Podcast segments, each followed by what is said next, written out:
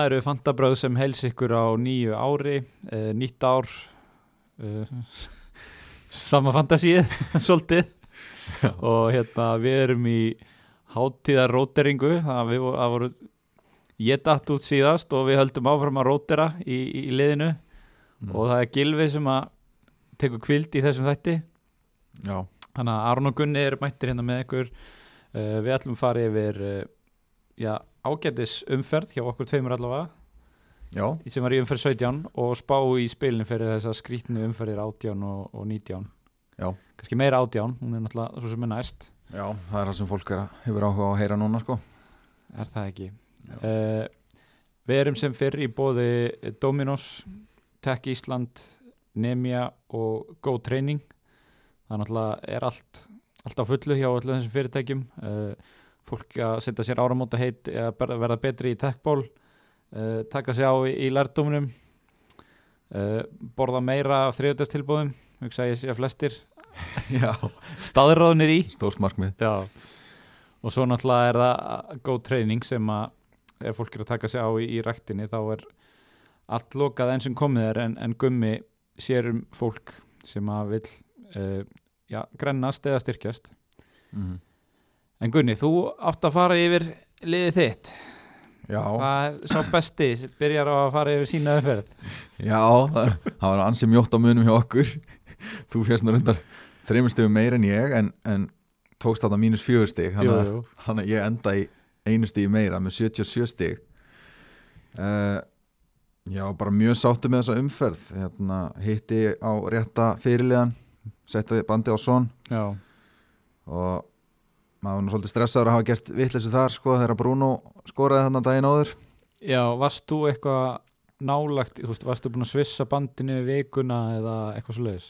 Já, ég var að hugsa um Son eða, eða Bruno sko Já. þegar ég, í þættinu minna síðast þá var ég líka eitthvað að tala um Sala en hann var nú fljótur svona ég var fljótur að ákveða hann er ekki fyrir valinu Já, en síðan var ég að velja á milli Bruno og Son en, en ég var eiginlega búin að velja Son sko, ég var ekkert mikið að svissa á milli eða eitthvað þannig sko, ég var eiginlega nokkuð Nei. ákveðið með Son. En já, og það var bara gekk upp og svo er ég ennþá með De Bruyne sem að margir eru búin að gefast upp á. Það loksins, loksins borgaði sig að vera með hann. Uh, og hann á náttúrulega tvöfald umferð núna fljótlega sem lítur mjög vel út þannig að ég er bara mjög ánægð með hann. Já og leik, flottan leik í umferð 18 já, og flotta, Flottan já, hann er einn af þeim sem er bæði tvöfald umferð í 19 og leik núna Já, í umferð 18 uh, svo er ég með Thomas Susek tjekkan knáa. Ég, hérna, það eru margir sem er með hann límdan á bekkin sko en, en ég ákvað að spila honum og hafði svo sem reyndar ekkert aðra kosti. En hérna já, hann skilaði 11 stigum og Kúfal hjælt hreinu. Þetta eru stígi mín og rest var blank því miður. Já hvað ertu mar marga blankleikmenn í, í uh, ég er með Martínez, hann fekk á sig mark. Mm. svo var Dallas, hann fekk eitt stig. Robertson fekk eitt stig. Mm. uh, Sala, Bamford og Calvert alveg búinn. Já, ég þarf kannski að fara að tygg, hérna, heyra ykkur félaga það sem þurfa að segja með hann að hann sé búinn sko, ég er bara að fara að fara að hlusta kannski. Já, við hérna tilnendum hann náttúrulega sem uh, fantasy-leikmann ársins hérna í áramóta gæfinni hjá fótbolta.net já, Ég held að hann hefur látið, látið að stíga sér alveg til höfus þannig að já, það er kannski bara fór ekki alveg rétt í hann sko. Nei, annað en, Bruno sem fekk velunin og er bara að skila í hverju minnasta leik. Já, Herðu, ég fekk uh, 80 stig en eins og þú sagðir, tók mínus fjóra þannig að ég endaði í 76 uh, 20 stigum yfir average þá Já. en það er svolítið máli með mig sko, að ég get aldrei átt bara góða umferð og sett punkt þar fyrir aftan. Alltaf, ég hef alltaf góða umferð með einhverjum formmerkjum annarkvort blankja á fyrirliðanum eða, eða eitthvað annað. Og það var heldur betur formerki á þessari umferð hjá mér því að uh, ég byrjaði umferðina á því að fá 17 stig á bekkin áður en okkur leikmaður spilaði. Já þú gerir hann skemmtilega markmanns Já, fyrir Breytingu. utan það sko að hérna uh, ég, þetta var mjög fyndið allt saman af því að ég hérna, gerði, eftir á Er eftir á er þetta mjög fyndið ég gerði breytingu fyrir umferðina uh, var að hugsa um ég, þessi breyting var gerð sko með umferð 19 í huga og ég vissi að mér langaði að gera ég er svona svolítið að horfa til þess að benchbústa í umferð 19 og vera þá með uh, já allavega alla spilandi leikmenn sko fyrir utan varamarkmann. Að vera með þrjá úti leikmenn á bekknum sem að spila upp á benchbústi að gera. Já, og ég var búin að sirka það út að ef ég tæki inn sko Seldi Ederson og tæki inn Fabianski Já. þá get ég breytt hérna uh, tekið inn John Stones og Rob Holding. Mhm, þannig að ég gerði tvöfalda breytingu núna og tók inn uh, Rob Holding fyrir Jimmy Dunn í Burnley, hann er búin að yfirgefa liðið mitt. Loksins laus við hann. Uh, og það er óhætt að segja að svo skiptinga við heldur betur skila sér því að það, þar voru bara tíu stig. Já, í stæðan fyrir 0 já, en hvernig fannst þér þetta assist hjá honum? þetta var svona verðt tongen assist getum við, getum við kallað Týrin átti eftir að hlaupa hann að tvo ringi kringum varnamannin og smella hann í fjárhætni nákvæmlega. En já, og, og svo tók ég eins og ég sagði Fabianski sem að uh, ég svo bara kíkt, hérna, kíkti á fotmob og svo að Fabianski verið í byrjunliðinu og bara held áfram í FIFA. Já. nema svo fæ ég skila bara frá þér um að hann sé sannarlega ekki í byrjunliðinu því hann hefur meðst í uppbytun Já, og og þú varst náttúrulega ekki með markmann á bekknum. Og ég var ekki með markmannabæknum og þetta var á nýjársdag og þarna hugsaði ég bara nýtt ár sömu vonbriðin, bara Já. sama drullan það breytist ekki neitt. Mm. uh, og það var náttúrulega alveg ljóst af því að ég var með þá ekki með markmanninn minn sem ég ætlaði að vera með í vestam. Ég var með Kúfal og Súsjek á bekknum. Já. það var alveg ljóst að, að vestam myndi halda hreinu Já, sem við gerðu og til að klára þennan rýting alveg frá að þá skora Susek markið uh, í lokin og færi 11 stig sem þýði það að, að hérna þetta er svo fljótt að breytast í þessu sko. Síðustu umferð þá var ekkert nema frestanir og, og vesen. Og núna eitt í allir umferðinni að vona það að einhverjum leikir er frestað eða einhver myndi ekki spila bara svo ég fengi öll þessi stig inn á. Já nákvæmlega. Sem gerði svo náttúrulega ekki þannig að ég hérna sagði, eins og ég sagði, ég á góða umferð með, með þeim formerkjum að ég er með 17 stig á bekknum og 5 blanks inn á mm. sem eru uh, Cancelo, Bamford Callum Wilson, Sala og Alioski en ég fekk mér sæti í markmanna rússibananum. Já, og ég hérna mesti hinga til er, er, er svona eina sem ég man eftir eitthvað svipað þessu er hérna 2013, ég er svolítið gaman að rifja upp þegar ég var með uh, Boruts og Begovic í marki. Rótiraði þeim. Þeir voru að að spila mót ykkur öðrum. Uh, ég valdi Boruts í markið og Be setti Begovic á bekkin og eftir einhverja tvær mínútur var Begovic búin að skora í leiknum. Þannig markmann sem ég bekkaði skoraði á markmann sem ég spilaði. Það var ekki það skemmtilegt náttúrulega verður ekki verið en það Nei, sko. ég held að það verið seint toppa sko. En uh, það sem gerist náttúrulega í þessu umfyrir var að Alex McCarthy fekk COVID Já.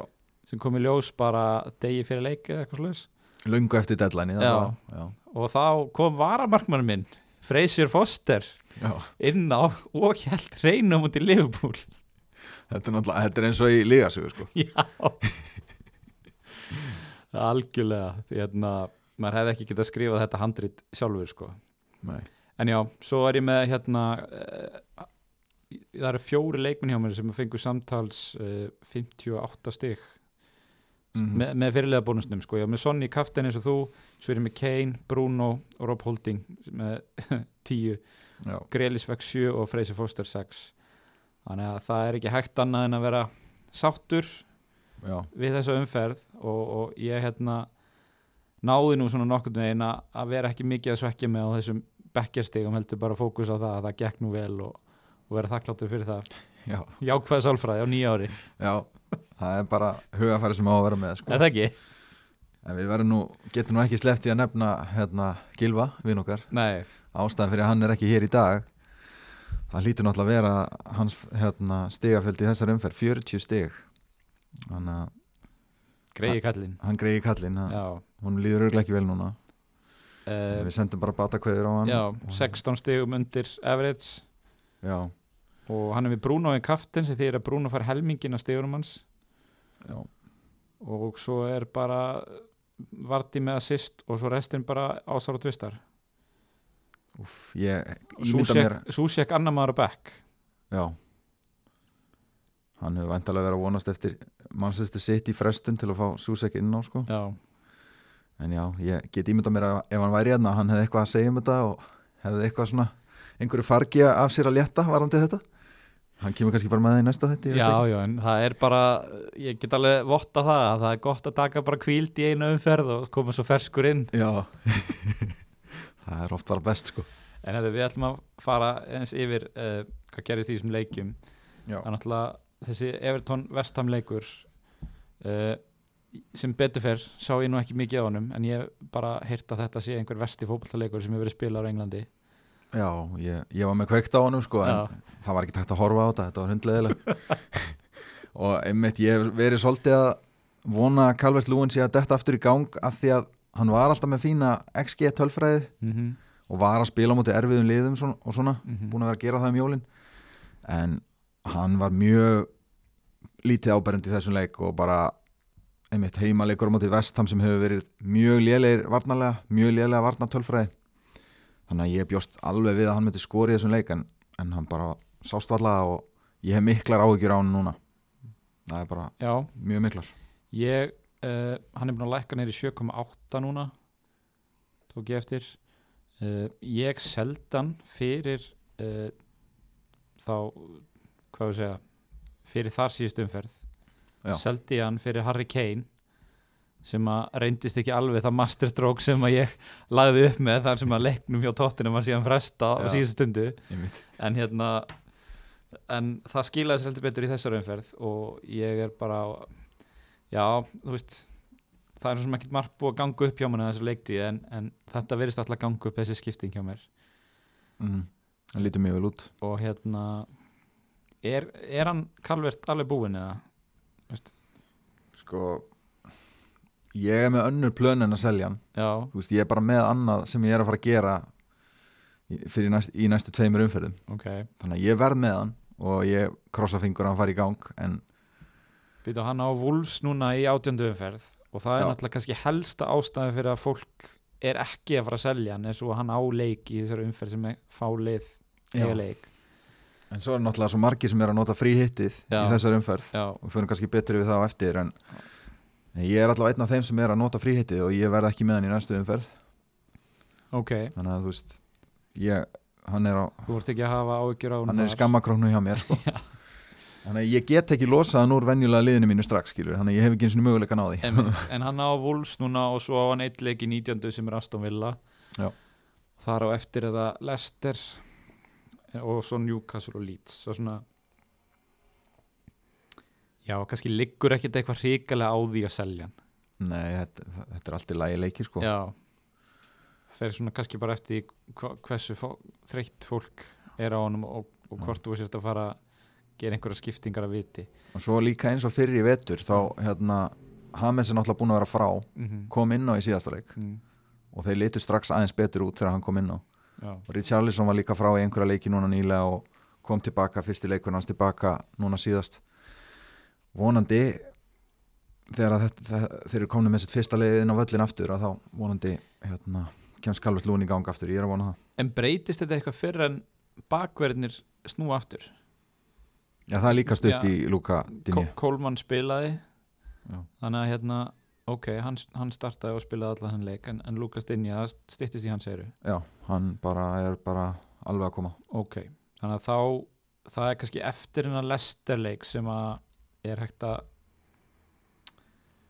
um, horfa til þess að kaupa Everton menn svona einhverju viti.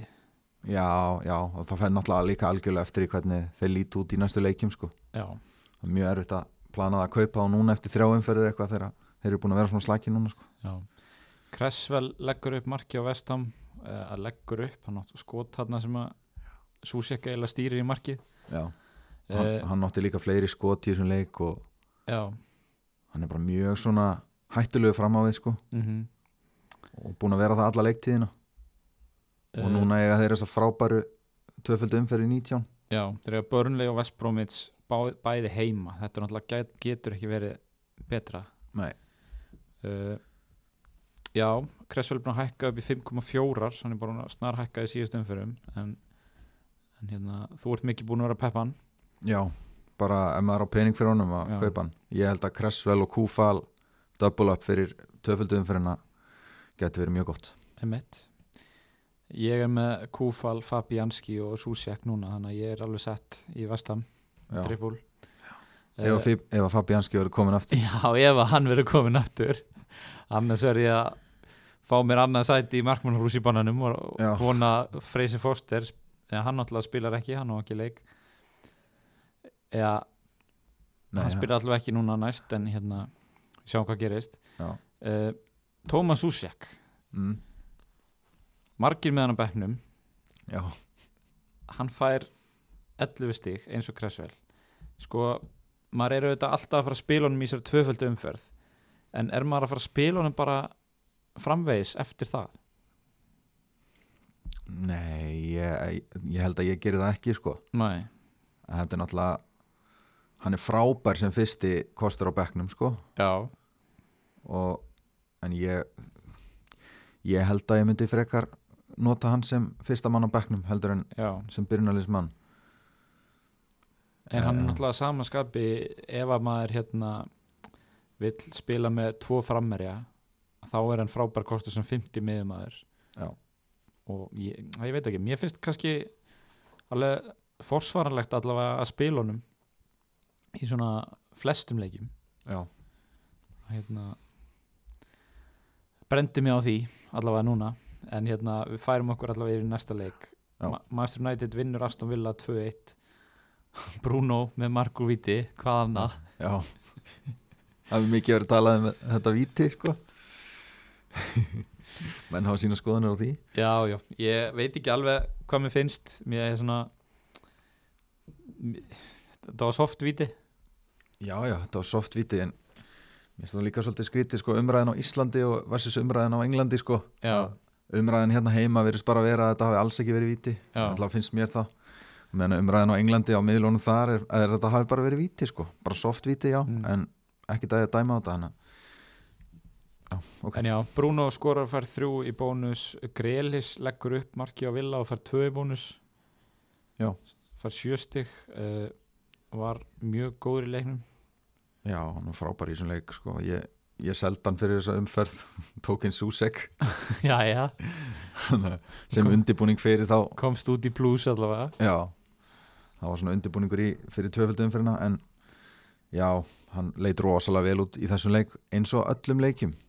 Hérna, skoðaði um ég er endur ekki búin að skoða alveg eftir þessa umferð en fyrir þessa umferð þá var hann með 22 færi sköpuð í síðustu fjórun leikjum. Mm -hmm. og næsti þar á eftir var með 12 já, sem segja bara hversu gríðarlega svona kreatífur hann er. Hann er að búa til færi endalust en því miður þá bara er það með lélega framir að það sem heitir Ollie Watkins sem getur ekki skorað.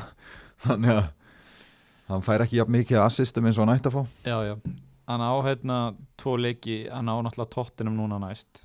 En en hann er samanskapi, hann er líklegur í svona í langt flestum leikjum. Og hérna og svo á hann Everton og Master City í tvöföldumferðinni, ekkert svona óska mótirjar en maður er náttúrulega alltaf að fara að spila honum. Já, uh, eitthvað meira úr þessum leik sem allt kom inn á? Martial skorar, það er náttúrulega ekki oft sem það gerist Men hann hefur samt verið að stíga upp finnst mér síðustu leikjum, já, lítið betur út. Eina vandamál með hann er að sko, hann er í samkeppni við Cavani um Já. þetta sæti hann upp á topp. Og þetta þryggjalega bann hjá Cavani það er nú ekki lengra en það í deildinni að það var bara eitt leikur í deild og restin er byggar leikir. Já, þannig hann verður mættur í næsta leik.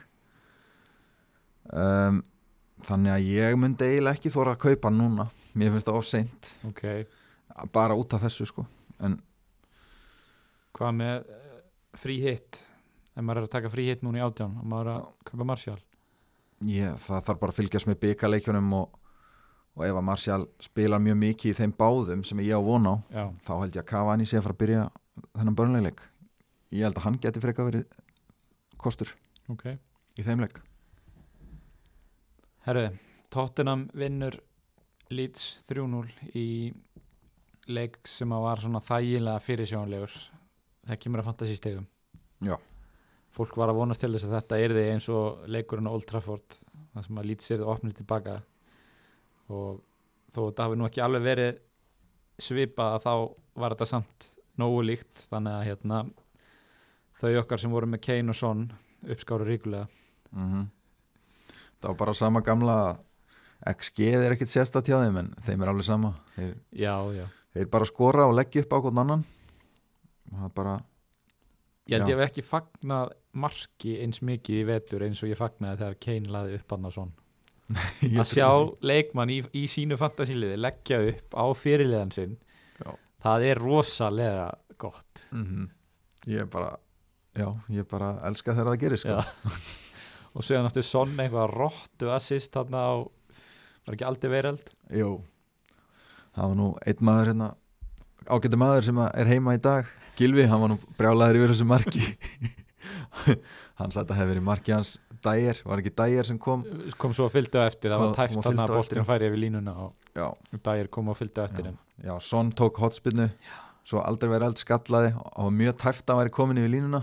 Já, og svo kom dægir og kláraði endalega en, en klukkan hjá dómarnum sló að fyrir boltin hefur inni. Mm Matt Doherty fær raukt á 90 í 3-0 sigri. Sko, hvað er þetta með hægri bakverðin á tóttina?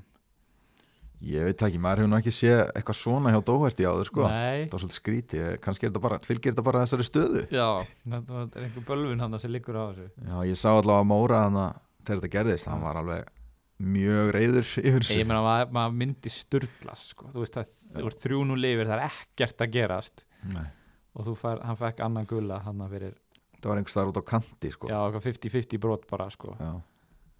já en uh, eru, eru Kane og Son ekki bara flottir fyrirlega velkostir í næstu umverða Ég, nei, ég myndi reyndar ekki setja fyrirlega bandið á þá Nei, ekki, allavega ekki átt með frí hitti og getur valið hvað sem er sko. en þú veist, fyrir þá sem eru með en þú veist, það eru náttúrulega allir með Bruno ná, væntanlega, ég myndi freka banda hann. Já. Heldur en þess að tvo, eða hvað finnst þér? Já, ég er svo sem ég er sammála en náttúrulega eftir að það er stutt síðan að Manchester United leikurinn var færður inn í sömferð Já, fram að því var ég alveg sáttur að vera með bandið á kannski Harry Kane. Mm en hérna nú er, eins og segi, búin að færa Manchester United Burnley inn í umferðina og þá finnst mér ekki annað hægt en að hafa Bruno hann sko. Já einmitt. Og hérna ég hugsa að ég enda á að kaftina hann. Ég er ekki að fara frí þetta við komum betur að því og eftir. Eh, þannig ég verð ekki með er svona, þetta er milli Bruno og hans hugsa ég. Tottenham á leikana við Aston Villa í næstu umferð og við höfum séð það bara í undanferðinu leikjum að þegar Tottenham spila við þessi stóru lið að þeir eru ekkit að móka mönnum fram sko. Nei, nei, í þessum erfiðu leikjum og þú veist þeir eru meira svona að skora eitt mark og reyna að halda, halda á því. Ég býst við að sjá eitthvað svoleiðis. Ég held að verði fá mörk í þessum leik. Algjörlega. Uh, Krista Pallas vinnur Sheffield United 2-0 Jeffrey Sloop og Eberitzi Ese skora mörkin. Já, Benteke leggur upp, hann er nú svona vakna til lífsins getur við Já. sagt. Gamli Bendeke Já. mögulega eitthvað að vakna. sé nú fá er að hugsa um eitthvað pæli honum, þannig að við skulum ekki dræða það neitt frekar. Ég held að Saha sé eini maðurinn í þessum liðum sem einhver er að eitthvað að horfa á. Já, það er nú kannski helstu fréttnar að Saha gerir ekki neitt. Nei, hann ger ekki neitt í þessum leik. Sem að hefur verið svekkjandi fyrir eigandur þar sem að þetta er nú svona heimalíkur gegn Sheffield United er sennilega auðvildasta fixturið á, á tímbilinu já. uh, en Sheffield United er náttúrulega alveg vonlausir.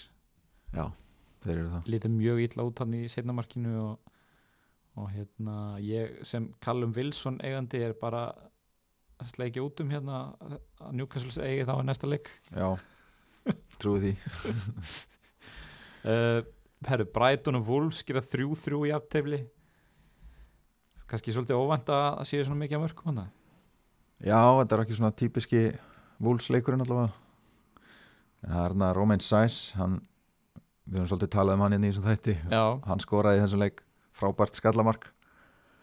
Hann er góðu kosti finnst mér fyrir næstu umferð já, í fríhitlið. Gegn Evertón já, gegn Evertón og bara, já gott, gott tækifæri til að endur nýja kynni við hann sko. Dan Börn, Varnamaður Brighton var í vesinni þannig já hann, hann skoraði sjálfsmark Já. og gaf svo víti hvað, fimm mínútur setna eða eitthvað. Já, og fekk guld líka. Já. þannig að hann endar í mínus tveimur fantasystigum. Úff, sem betur fyrir kannski ekkit margi með hann. Já, ég hugsa það. En uh, já, svo sem skiptir einhver máli í stóra samenginu en uh, Matti Ræjan dottin úr markinu á Brighton. Já, hvað hérna bara ekki búin að vera að standa sig eða nei, hann var með að hæsta sérst flest mörk fengin á sig sem að sérst, XG goal prevented. Já, Æ, það er Me- svolítið erfitt já, að útskýra það kannski það mesti mismunur á XG og mörkfengin á sig Já, já. XGC, já, já, nákvæmlega, það sem ég var að reyna að segja. Hann er með vesta hlutfallið á því í deildinni. Þannig að hann er að fá á sig mörk sem hann ætti ekki að fá á sig. Einmitt. Með tölfræðina. Þannig að þetta kemur kannski ekki á óvart sko. þeir eru með hann að fína markmannina Robert Sanchez sem að ég reyndar var hissa hann kem inn í lið vegna þess að það er annar markmaður sem heitir Jason Steele sem er búin að vera á bekknum í hverjum einasta leikja Brighton á tímumvilinu ekki Button eða? Nei, Bötton er farið til Vestbrom já, ok. En þessi Sanchez hefur ekkit verið á bekknum. Hann er bara annað hvort spilar eða er heima hjá sér sko. geggjaður, geggjaður dýll í honum. Já og ég held þess að þessi stíl sé ennþá á bekknum sko, þó að. Ryan, Ryan er bara heima núna sko. ok, þannig að þetta er svolítið skrítið system hjá þeim. Það er bara annarkvort 90 mínútur eða kvíld, það er bara Já, eins og þetta er hjá okkur. Já, en hérna uh, herru, já, Arsenal er allir að koma til. Vinna þarna 4-0 Já. uh, Holding með clean sheet og assist 10 stig. Bara venjulega framstæði honum. Já, ég er ótrúlega margir sem er að kaupa hann. Og hérna, svona finnst mér. Já, ég er Hann náttúrulega ekstra, ekstra vel vakandi fyrir því að ég keipti hann sjálfur en þetta komið svolítið óvartið mitt þegar ég fór að skoða hérna, hvað hann er búin að spila mikið undarfarið já, hann er búin að spila hvern einasta leik bara síðustu mánuði sko, já. 90 mínútur. Virðist ekki skipta máli hvort að þeir séu í sko fjaramannavörn eða fimmannavörn. Hann Nei. spilar hérna alla leiki, náttúrulega David Lewis búin að vera eitthvað veikur uh, og Gabriel held ég að hafi fengið veiruna já, eða hann er með veirun Já. núna, já. þannig að hann, Holding hefur spilað mikið en ég held að hann sé bara að fara að vera áfram í liðinu sko, hann kostar 4,4 Ef- nei, hann hækkaði 4,5 búin að hækki 4-5 uh, á náttúrulega Krista Palace heima núna í þessar átjöndu umferð og svo Newcastle heima í 19. mm. þannig að hérna náttúrulega fyrir okkur sem erum kannski ekki að horfa 100% í bara leikmenn sem að tvöfaldum verða þá á hann náttúrulega hann er einn af þessum að flottan eittleik í 19. Já. og en, en þarna, já, Lagasett skora tvö mörg en þeir sem kannski stálu senni í þessum leik er, er Kieran Tierney sem að skorar, leggur upp og heldur hreinu fær átján stig já, það er svakalegt maður og ég var ekki stigahæsti þjálfarinn í umferðinni sem að setja hann sem fyrirliða? Jú, Er það jú, ekki rétt munið hjá mér? Jú, ég sá það einmitt. Og hérna liðið sem ég var að spila við í byggarnum hann var með hann Tyrni á bekknum. Og ég vann hann með þreim stigum og hann var með Tyrni á bekknum. Nei, ég ert ekki að grínast. Heru, Já, talandi um það, þú, þú kemst áfram í byggarnum Já, ég vann með þreim stigum. Já. Ég hérna uh, þrátt fyrir mín 76 stig þá tapa ég. Ok fyrir eh, leikmanni sem að fekk 85 stig mm. þannig að maður þó að ég hafi lagt áherslu á byggarinn og spilað mínu sterkasta liði þá hérna að, þá hefndist mér fyrir þessu 17 stig á bekknum Já. og dett út í fyrstu umferð Já. um, Já, Arsenal vinnur 4-0 Emil Smith Rowe leggur upp hérna tvö mörg er það ekki svona bara fínn valkostur í frí hitlið núna í næstum umferð. Jú. Jafnvel eitthvað meira eða? Já, þú veist, hvað kostar hann? 4,4? já, Já, þú veist ef þið vantar fymta miðjumann Mm. til að geima á bekknum þá er þetta bara mjög góðu kostur. Hann virðist vera bara komin í liði með annan fótinn allavega. Búin að starta sístu þrjá já, og þeir eru búin að vinna alla. Nákvæmlega. Og ha- hann er að spila vel, er það ekki? einmitt, jú, þannig að hann er sennilega ekkert að fara dett út bara lítið vel út. Samt eitthvað svo fyndi sko að þú veist Arsenal fara að spila með tíu og fer alltaf að ganga upp hjá þeim sko og þú veist með Ösil bara utan hóps. Já, það er svolítið skrítið sko. Já, þessi gæi kannski tilbúin í meiri hlaup eins og Arteta er að gera kröfum ég hugsa að það sé meira eða minna málið fyrir Já. utan náttúrulega alla pólitíkina sem er í kringum þetta Ösil vesen. Já, en við kannski ætlum, erum ekki hérna til að ræða það. Uh, ég persónulega væri mjög hrifin af. Ég náttúrulega byrjaði leiktíðina hérna með Bukayo Saka. Já, uh, og hann er að spila vel skoraði um helgina. Ég væri alveg að pæla í honum ef að miðjan mín væri ekki bara neldi í stein. Já, ég sé ekki fram á að gera neina breytingar á miðinni bara ansi lengi. En ef maður vantar ódýra miðjumenn þá eru bæði Saka og Smith Rowe bara fínustu valkostir. Já. er eitthvað um þetta að segja? Vestbróm kannski lélegri en maður bjóst við? Já, maður held að þeir fengju þetta new manager bounce og það myndi endast lengur en bara hann leifupúleik já, nákvæmlega sko. En sami virðist þurfa meiri tíma til þess að hérna, berja þá saman hann en hann er nú búin að segja að hann hérna, ætla að ná, ná í varnamann í janúar. Já, Ivanovic áhrifin ekki að gera nóg fyrir hann. Nei Ég meina hvað, er búin að fá fjögur til fimm mörg á sí, síðustu tveimleikjum Já, Þannig að eitthvað þarf að bæta hann í vörninni og hann er að fara að sækja varnamenn í janúar. Kannski, kannski dettur þetta í ganga eftir það maður veit ekki. Ég er alltaf með Johnston sem hluta bensbústi eins og planiði núna fyrir tvöfölduðum fyrir hana þannig að, ok. þannig að ég er að vona að þeir gerir betur en þetta. Og býtu hann á tvo, hann á Wools og Vestam Já, Já, já, ef hann heldur ekki hrein í öðru hvorum leiknum þá er hann örgulega að fara að fá á sig fullt á skotum það er mitt pælingin sko. Já. Ég er ekki að búast við einhverjum clean sheetum. Ég er að vona að hann veri eins og berserkur hann já, hann er með átta vöslur í þessum leik þrátt fyrir að þeir tapi 4-0 Já, einmitt. þú sér það. Herru, uh, Lester vinnur Newcastle 2-1 Vardí með assist Mattisson með mark og Andy Carroll með mark. Já Langþrá mark hjá Karol. Já, Fyrsta marki eftir að hann kom aftur til Newcastle. Uh, Já Vardí skorar hann að rámstöðumark já, Tæft. Það var þurft að tekna línur til að sjá það held ég.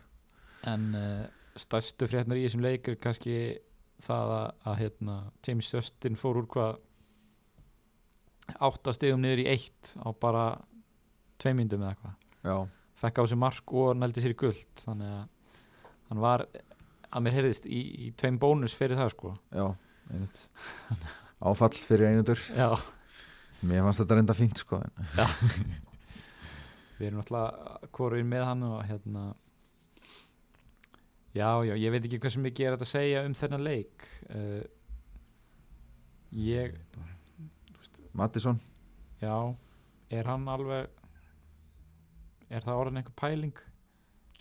Já, hann er allavega svona að reyna reyna að verða einhver pæling sko. Ég, ég, þú veist bara eins og þú sagðir áðan ma- miðjan, það er mjög erfitt að koma sér inn á miðjuna hjá manni núna sko.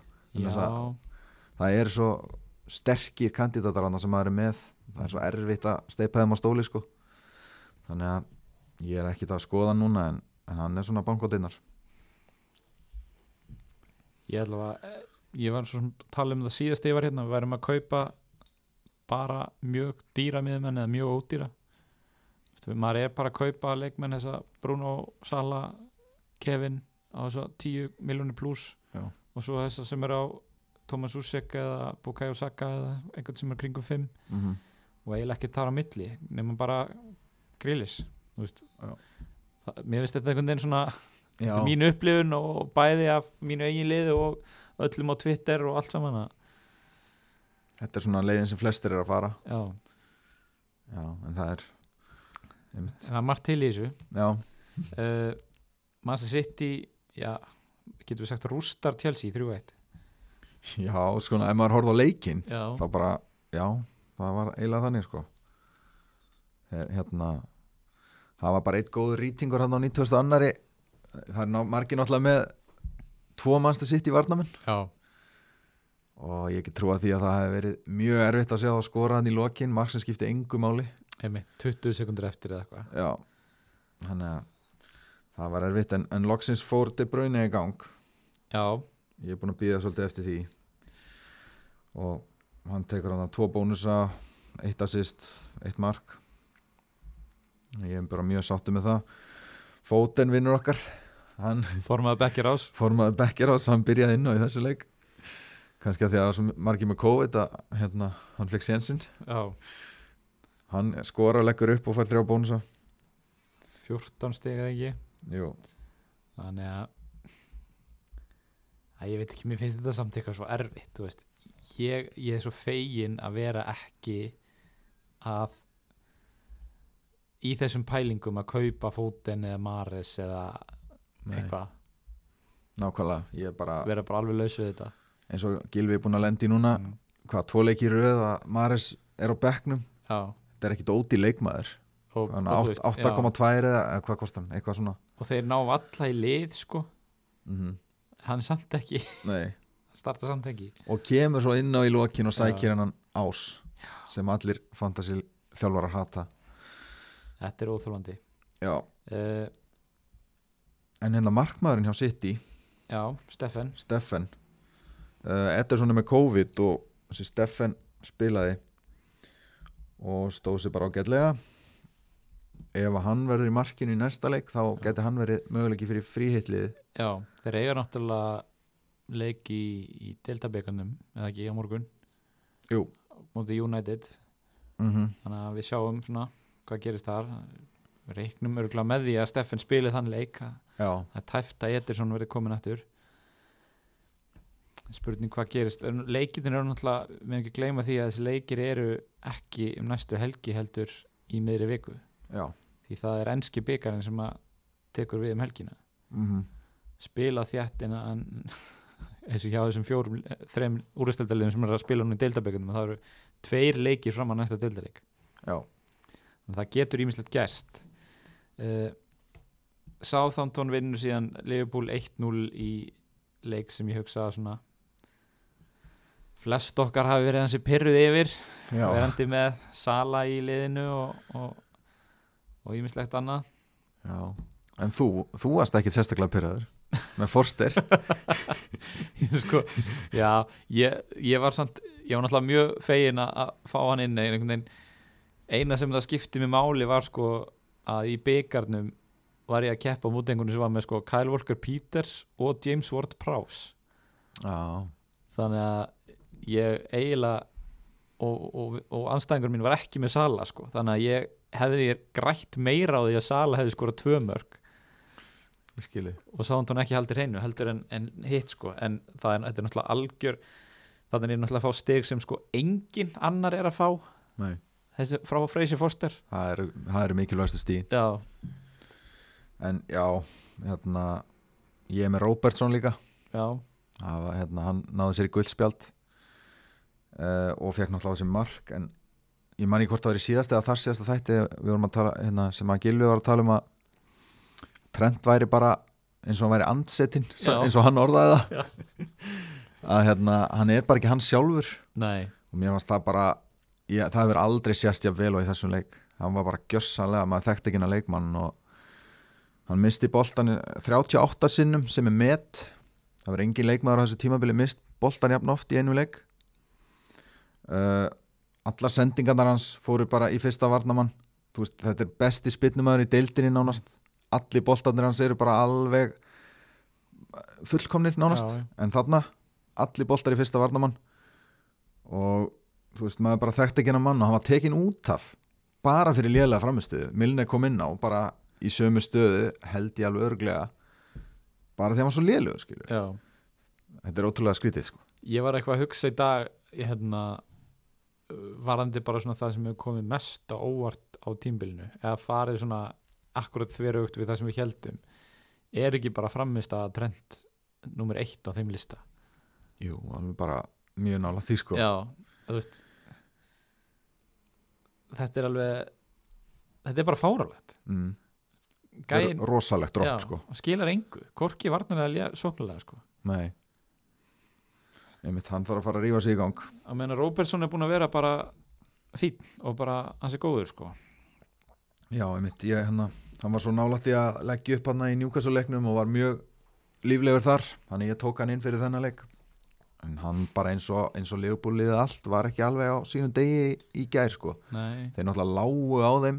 Þeir voru alltaf með boltan mér fannst það svona pína eins og að vera að horfa á landsleik með íslenska landsliðinu sko. Já, þeir bara voru alltaf með boltan, alltaf að reyna að skapa sér eitthvað alltaf svona næstu því, Mm. en fengur samt aldrei almennlegt færi, skilur þetta er svona eins og liðið að reyna að skora á Ísland sko. Nú fá aldrei almennlegt færi og það Já. gengur einhvern veginn ekkert. Eitt mark í þrejum leikjum gegn Vestbrómins, Newcastle og Southampton þú veist uh, ertu að hugsa um að selja Sala eða? Ég er að fara að hafa hann í þessari töföldu umferð sko. Já, þú veist það var nú bara hérna fyrir einn eða tveim vikun síðan sem fólk var að tala um að trippulkaftir hann. Já, þannig að mér finnst það svolítið svona já, að selja hann fyrir töföldu umferðina en ég hef áhyggjur á hann já. Ég veit ekki hvort ég sett bandið á hann eins og plani var. Nei, þú ætlar að benchbústa í 19 eða ekki? Það er plani núna já, já, frekarna trippulkaftina. Já. Kem, eða, þú veist, ég meina það er ekkert eitthvað þú ert ekkert að pælja að sleppa því algjörlega að nota spil í þeirri umferð, er það? jú, ég er að pæli því. Ok, það verður annarkvort benchboost eða, eða ekki neitt sko. Ok. Ég allavega eins og, eins og ég er að hugsa þetta núna sko. Þetta er svo fljótt að breyta sko. Já, já, en já, þú veist, ég er með Brewster ég er með Balbuena sem er að missa sæti sitt í vestaförninni mm svo hérna, ég þarf að skipta þeim báðum út ef ég ætla að benchboosta og ég hef bara eitt transfer. Og þetta eru báðið mjög ódýri menn og ég er ekki með pening í bankanum þannig ég þarf að selja einhvern þriðja mann til þess að eiga, eiga pening. Æmitt þannig ég þarf að taka tvö hitt ef ég ætla að benchboosta þetta er eitthvað sem ég þarf að pæla í bara Algjörlega, herðu, áttu við eitthvað leik eftir? Nei, við erum búin að kofra alla leikina. Mm og þá ætlum við bara að fara í spurningar og ég ætla svona að vera í hlutverki spyrir og þú ætlar að reyna að svara þessu. Hugsa að hérna það sé best fyrir alla að þú sérst að gefa ráðin hérna og ég að hlutverki milliliðs. Uh, ok, við verðum að spyrja um Amartakin Asselamenn það er svo sem við erum búin að fara yfir það. Uh, um, myndu við taka mínus fjóra fyrir næstu umferð ef maður er búin með frí hitt mér finnst alltaf vörð að taka mínus fjóra þegar þú nærði ekki lið. Já, og núna eru við með kosti sem að eiga leik í næstu umferð og eiga tvöfaldu umferð í vikun eftir það. Mm -hmm. það er Manchester City, United Aston Villa og Burnley. Mm uh, það eru klálega leikmenn í þessum liðum sem að mér finnst alveg vörð að taka hitt fyrir sko. Ok. Uh, frí hitt eða uh, vera með 7-8 spilandi leikmenn og preppa fyrir tvöföldumferðina sko, þú ert með 7 til 8 Mm. fína leikmenn sem eiga fína leiki þá þá myndi ég bara spara fríhitti sko. ég var sjálfur með 5 já, og ég er búin að aktivita fríhitti tók séns og, og hérna fór á hnén í gær og vonaði að Boris Johnson myndi ekki læsa öllu sko. og hann gaf grænt ljós á að spila áfram. Já. það er ljóst að varstu búin að kveikja á þessu fyrir það eða? Já. já, ég bara hérna, aktivitaði strax. Tók sénsinn. Sem er nú ekki alveg líkt mér endar nei. En það voru bara svo margir að fara að hækka brjó, verði og svona. brjóta því með einu vinnureglur. Já, ég braut heila mína einu vinnureglu þegar ég sá hvað voru margir sem að mér langaði að vera með í liðinu sem voru að fara að hækka í verði. Mm -hmm. þannig ég tók sénsinn og, og hérna, það virðist ætla að borga sig en, en það er samt, getur allt breyst. Já. breytir svo hrætt í þessu. Herði, maður sjá uh, Ég á kefindi bróinu en á ég að taka einn störling fyrir Sala í umferðum 18-22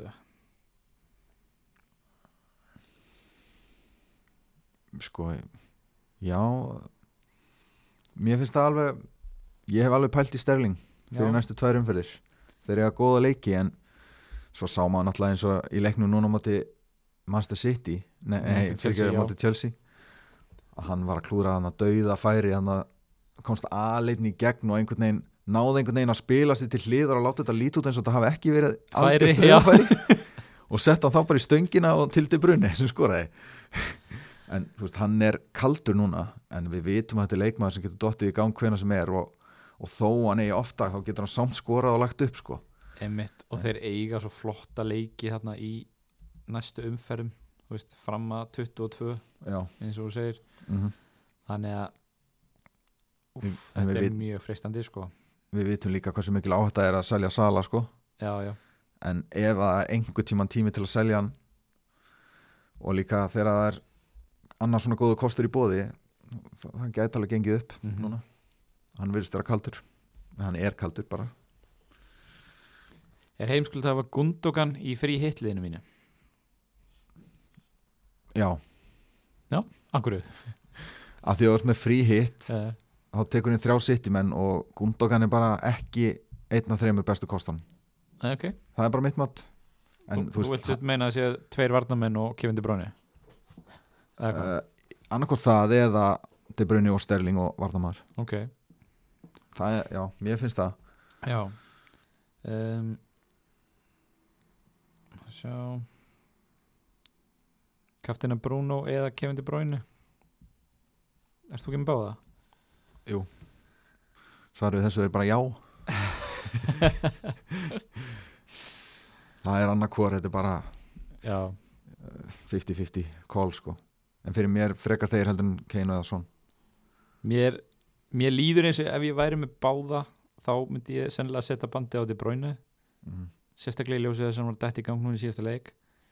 En ég er pínus fegin samt að vera einhvern veginn bara með Bruno þannig ég þarf ekki að taka já, skilur mig? Já. Skilið vel. Um, sko Guðmundur Felixson einn af okkar helstu aðdáðum já, og hérna og, og við erum einir af helstu aðdáðum hans. Hann segir, getið þið útskýrt aðeins þetta masterplan uh, Gilva að nota frí hitt til að græða pening? Ég græði væntalega max 0,1 fyrir einhverja örfa á leikmenn sem hækka um 0,2 á þessu tímbili já. Það var vendala að tala um það sem Gilvi sett á Instagram með að, aktivita strax fríhittið og kaupa þá sem var að fara að hækka eins og, eins og ég gerði sjálfur. Já, þetta er þá vendala til þess að sko eins og núna er ég með 5-6 leikmenn í fríhitliðinu mínu mm. sem eru búin að hækka.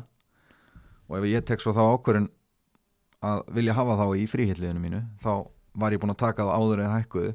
Þannig er ég búin að græða einhverja 0,6 miljónir Mm um, þú getur ekki grætt pening eftir að fríhitt umferðin er búin. Nei, skilju, ef ég kaupi mann í fríhitliðið mitt já, þá missi hann eftir að fríhitt eftir umferðin er já, búin og græði ekkert á verðhækkunum sem urðu eftir að ég keifta þannig að það er ekki þannig að þú græðir á hann eftir fríhitt umferðina þú græðir bara á því á meðan að svo umferð er í gangi. Þannig að algjörlega. Svara þetta spurningunni, fannst þið það? Já, svona, ég veit ekki. En hérna en það, þetta er náttúrulega akkurat eins og Gummi segir að hérna e, það, þú ert að fá hérna mestalagi essit, þú ert að fá 0,1 í einhverjum örfáum tilveikum en einhver, þú veist, mögulega er það nóg til að breyta einhverjum einum leikmanni í leikmann sem þið langar meiri þannig að Mhm. það er þá um að gera og við, að því við erum alltaf spurður um þetta hvernig við fylgjumst með þessum verðhækkunum og lækkunum þá er það fplstatistics.com og kannski líka annar punktur að ef þú kaupir leikmann í byrjun fríhitt vikunar sem hækkar um 0,2 mm. þá getur þú selt hann og grætt 0,1 alltaf emitt þú fær alltaf bara helmingin á hagnaðanum mm. uh, ok það er mikið verið að spyrja hvort að það á að kaupa Kevin De Bruyne fyrir Sala þú veist. Um, ég þórið því ekki sko. Nei. Eða, ég myndi ekki þórið, ég er náttúrulega með báða Ég held ef að Sala ætti ekki þessa tvo leiki í umferð 19 þá held ég myndi gera þetta. En mér finnst of erfitt að verandi einhver sem er með Sala í mitt og ekki Kevin De Bruyne. Mm. þetta er samt svo freistandi af því að hann er búin að vera svo lélugur í síðustu þreim leikjum eða þú veist Liverpool. Já, Þú veist, það er ástæðan fyrir náttúrulega að fólk gera pæli í þessu í fyrsta lagi. Já, þess vegna er fólk að spyrja um þetta. Já. Ó, þetta er óþólandi sko, ég held, ég held að rétta sem, sem við um að gera er að segja ekki selja hann vegna þess að hann dettur aftur í gang. Já, já, það er bara spurning hvenar en auðvitað er hægt að taka sjensinn og hafa gaman að þessu skilur og Já, já. bara go through it og bara gera eitthvað skemmtilegt og öðru í sig en ég held að við sem sérfrænga getum ekki sagt fólki að selja sala sko. bara Nei, nei. það er ekki búið ég held að þetta sé rétt hjá þér. S- sagðan og, og er að drekka úr bollanum sem að stendur á svo besti já, sem ég fekk í jólagjöf. Já, ég gerði hann ekki sjálfur. Herðu fleiri spurningar hérna. Uh, must have leikmenn í frí hitlið? Uh, já, Þú veist, ef að loka augunum með að vilt þú þylja upp þitt frí hitlið? Sko allavega þessi must have leikmenn já. Maður er alltaf að fara að taka þrjá í Master City. Já, maður er alltaf að fara, og við vorum að tala um það. Það er já, De Bruyne og það er Varnamaður og svo er það annarkort Sterling eða annar Varnamaður já, síðan myndi ég taka þrjá United líka. Uh, sem væri þá Bruno Mm. og Varnamaður eða Markmaður. Og svo hérna Rashford já. eða Cavani ok. Ég er alveg að horfa á Cavani ef að Martial er að fara að spila eins og ég býst við mm. mikið í næstu tveimur þessum tveimur byggarleikjum sem eru þangað til næsta já, þá held ég að Cavani byrji og þá finnst mér hann vera kostur. Ok. Svo getur líka hérna, tekið Bruno og, og De Gea og Maguire eða eitthvað. Mm og síðan er hann náttúrulega Arsenal. Já, þeir eru bara komnir í gott form, góðan gýr búin að vinna þrjá í röð. Já. Og mér finnst alveg 2-3 þaðan vera hérna málið Já, ég held að ég myndi segja það líka kannski sérstaklega í ljósið þess hvað er þetta að fá sko, hvað er góðir ódýri kostur þarna mm. og, og það er alveg þú veist, það er möguleiki á að þeir haldir hreinu þeir eru ekki að fara að spila á móti Manchester United eða tóttina með einhver liði sem að maður einhvern veginn byggist við að myndi skora á þá sko Já. þannig að hérna þú veist, þannig að það er hægt að taka sénsinn á einu með tveimur varnamönnum úr Arsenal og hverju finnst þið vera helstu kostunir í Arsenal fyrir fríhillið? Við erum svona búin að fara yfir það. Það er Holding, Tierney, uh, Saka Smith Rowe. Ég veit ekki alveg með Martinelli mm. en hérna myndur þú spila Smith Rowe í fríhillið án þess að blika bara inn á? Í þessum leik? Já, um, er alltaf auðvelt að segja eins og þú er, að tala um að horfa á næstu horfa á byggarleikin um helgina? Mm ef hann spilar ekki í þeim leik þá myndi ég halda að hann starti í deildarleikin uh, ég, ég held í alveg að ég væri óhrættur við að spila honum sko. Ég meina hann er búin að starta síðustu þrjá deildarleiki þar á móti Chelsea þar sem hann kemur inn í liði sko. Mm og var frábær í, í þessum Vestbróminsleik sko. Þannig að sé ég ekki akkur að nætt að fara dætt úr liðinu. Nei. Uh, sko það sem gerir þess að umferð svolítið erfiða er þessi Wolves Everton leikur. Já. það sem hann langar eiginlega ekki að vera með neitt eða hvað Nei, ég er að horfa á hann Sæs minn, sem að, já ég hef mikið álut á honum ég verð ekki með neitt annan í þessum leik. En svo finnst mér líka í Arsenal vera hérna Lacazette. Mm. Ég, hann er með mjög góða tölfræði síðustu fjóra leiki búin að skora fjögur mörk í síðustu þrem og bara klálega kostur fyrir fríheitlið já, mér finnst hann kostur í fríheitli ég held ég myndi ekki kaupa hann permanent sko. Samanlá uh, og svo einhver pæling uh, varandi markmann fyrir fríheitli ég veit hann kostar 5 en Karl Darlow í Newcastle mm. bara svona ef maður er að horfa til þess að ná kannski varnamönnum úr að því nú, nú er maður alltaf að horfa í sko slottin veist, að geta tekið þrjá leikmennum að City og þrjá leikmennum að United og kannski þrjá úr Arsenal eða, og tvo í Tottenham eða hvað sem er Mm. að vera ekki að eyða sko einhverju af þessu slottum í markmanna taka þá Karl Darlow í Newcastle á 5 Já. er það ekki eitthvað? Jú, bara klálega. Sheffield get ekki skorað þannig að það meikar sens að vera með markmann á mótið þeim en þú veist eins og, og við komum inn á áðan þessi Sack Steffen já, fylgjast með hvort að hann geti spilað sko. Algjörlega. Að hann, kostar 4,4 já, og ef við fáum eitthvað eitthvað konkrétt um það að Ederson sé ennþá frá að þá, þá verð ég sennilega með hann. Já, þá getur þú náttúrulega hrúað inn þegar þú ert með svona ódýra leikmenn segjum þú takir hann og Emil Smith Rowe og veist, ég veit ekki, Carlo Wilson og, og einhverja svona ódýra gæja Já. þá getur náttúrulega hrúað bara Kane, Son Sterling, Kevin De Bruyne Bruno, Rashford, þú veist Já. Martial, ég, ég veit það ekki Nákvæmlega. skilur svo náttúrulega til að koma þessum mönnum fyrir eins og þú segir, Já. vera með þessu ódýri menn Mm.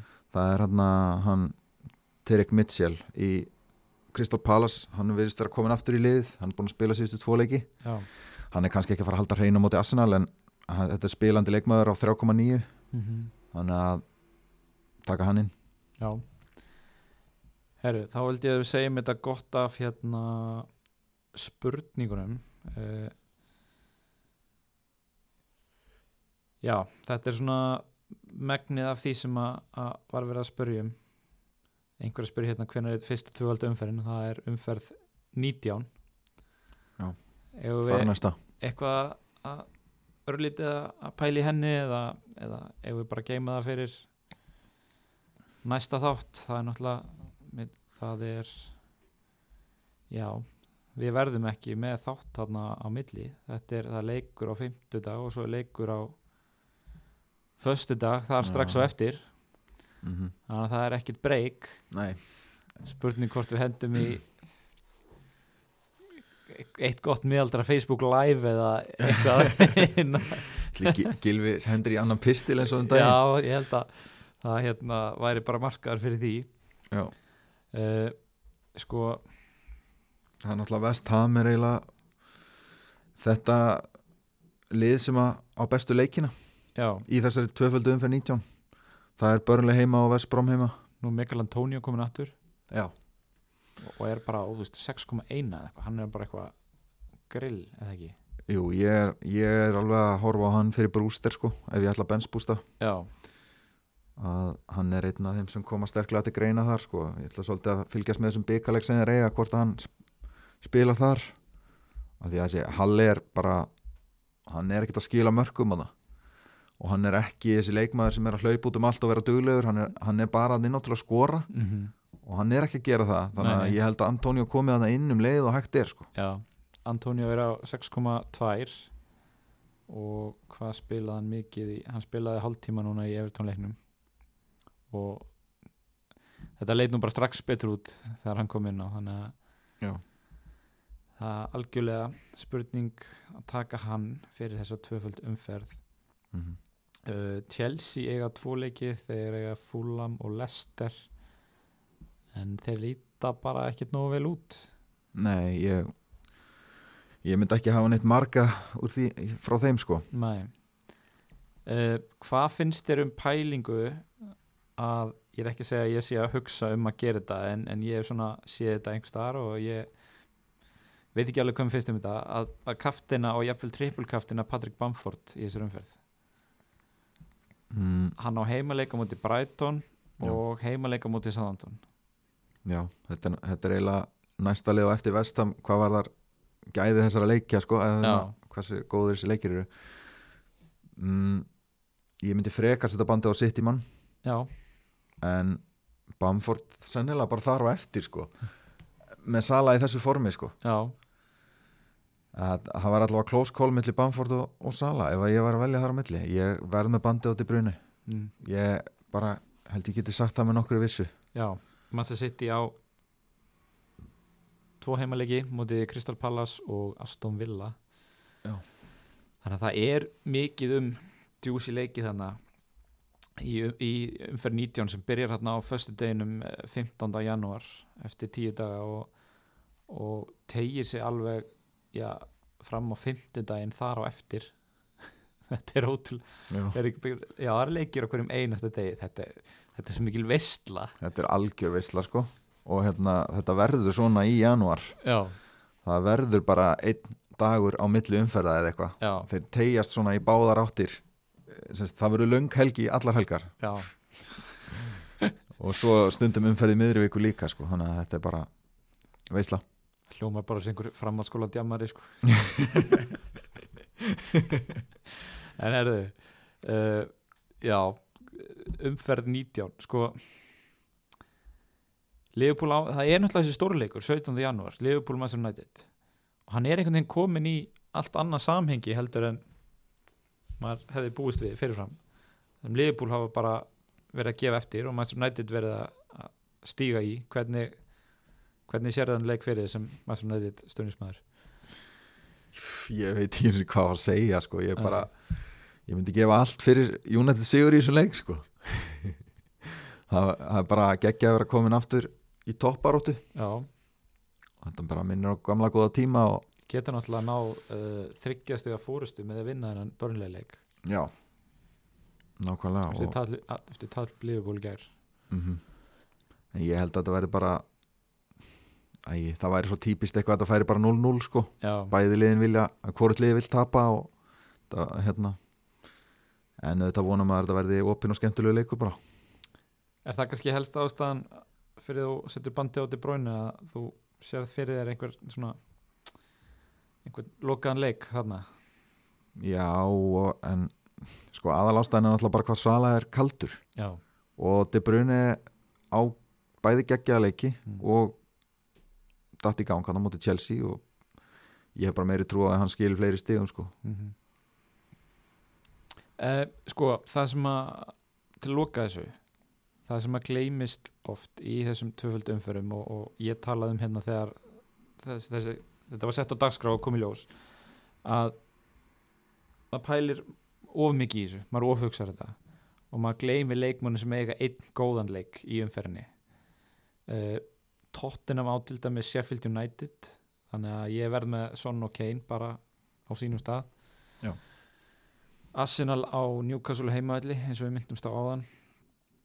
Uh, er einhverju fleiri svona fleiri lið sem eiga einn leik sem að við þurfum að passa okkur á að að gleyma ekki?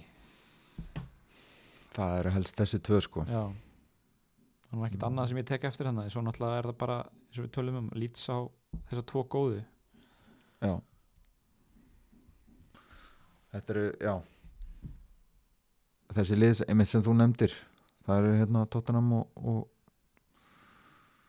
og hérna hvað var hitlið sem þú sagðir sem á eitleik Arsenal, Arsenal, já. já, það þarf ekki að drífa sig að selja þessa menn þó þeir eigi bara emitt það er einmitt, sumir hugsa þetta þannig einmitt að það þurfi bara að henda öllum sem eiga Já, og kaupa einhverja sem á tvo en það er ekki alltaf betra. Emitt Herðu, þá held ég að við segjum þetta bara gott í bíli uh, það, Nú er bara um að gera að fylgjast vel með uh, geima transferin síni eins lengi og maður getur. Það er, maður býst eiginlega alveg við því að þetta verði nánast blásið af þó að annað hafi verið sagt núna í gær. Uh, 40 tilfelli af COVID í, á, í síðustu viku í jansku deildinni. Mm. þannig hérna já er það ekki bara að geima transfer nefnum maður sé með frí hitti þá bara fyrst í eins og maður getur Jú, en, þú veist, ég veit nú alveg um, þú veist, félagi minn til dæmis er ennþá að, geima það aktivera fríhitti þó hann ætla að nota það sko. Ok, bara til að vera safe upp á ef, ef þetta verður blásið af sko. Ok. En ég tók sénsinn, ég Já. er með aktiv og er að fyrst í þessu hverjum degi. Já, ef við förum yfir eh, strategíu, ég held að ég uh, ég verð með átta leikmenn held ég frekar en sjö í, í umferð átján, þannig að ég ætla ekki að nota frí hitti mm -hmm. uh, og svo já, ég er nú eiginlega bara búin að setja liðið þannig saman að ég hendar mér betur að nota benchbústi þar sem ég verð með einhverja 15 leikmenn. Væntalega eh, 14 leikmenn sem að spila Já. í umferð 19 þannig hérna það er náttúrulega fristandi líka að eiga, þetta, eiga spilin inni þar sem við vitum að koma fleiri tvöfaldar umferðir. Já, en það er líka benchboost er öðruvísi tip en hinn. Mm, að því leiti maður þarf að undirbúa svo mikið fyrir það. Já, maður þarf kannski að mörg transfer marga vikur áður Mhm. fara í það að Mhm. undirbúa þetta. Þetta er þetta tip sem að mig þú veist, ég hlakka mest til að vera laus við skilur, þurfu ekki að já. pæla í þessu. þurfu ekki að vera pæli að eiga þetta eftir og þurfu að undirbúa bekki minn margar vikur aftur sko. Þannig að ég verð ánæður ef ég næja að koma því út í þessari umferð bara. Já. Herðu, þá segjum við það og hérna við verðum nú duglegir við að posta í bæði grúppun okkar eh, Fantasí bræðar yfir og á Instagraminu Fantabröð eh, fram að eh, umferð átján og svo þarna þessa daga sem að þetta er í gangi og fram að umferð 19 þannig að endilega joiniði grúppuna, fylgi okkur á Instagram og, og fylgist þið vel með. Annars bara takk fyrir að hlusta og heyrjumst í næsta þætti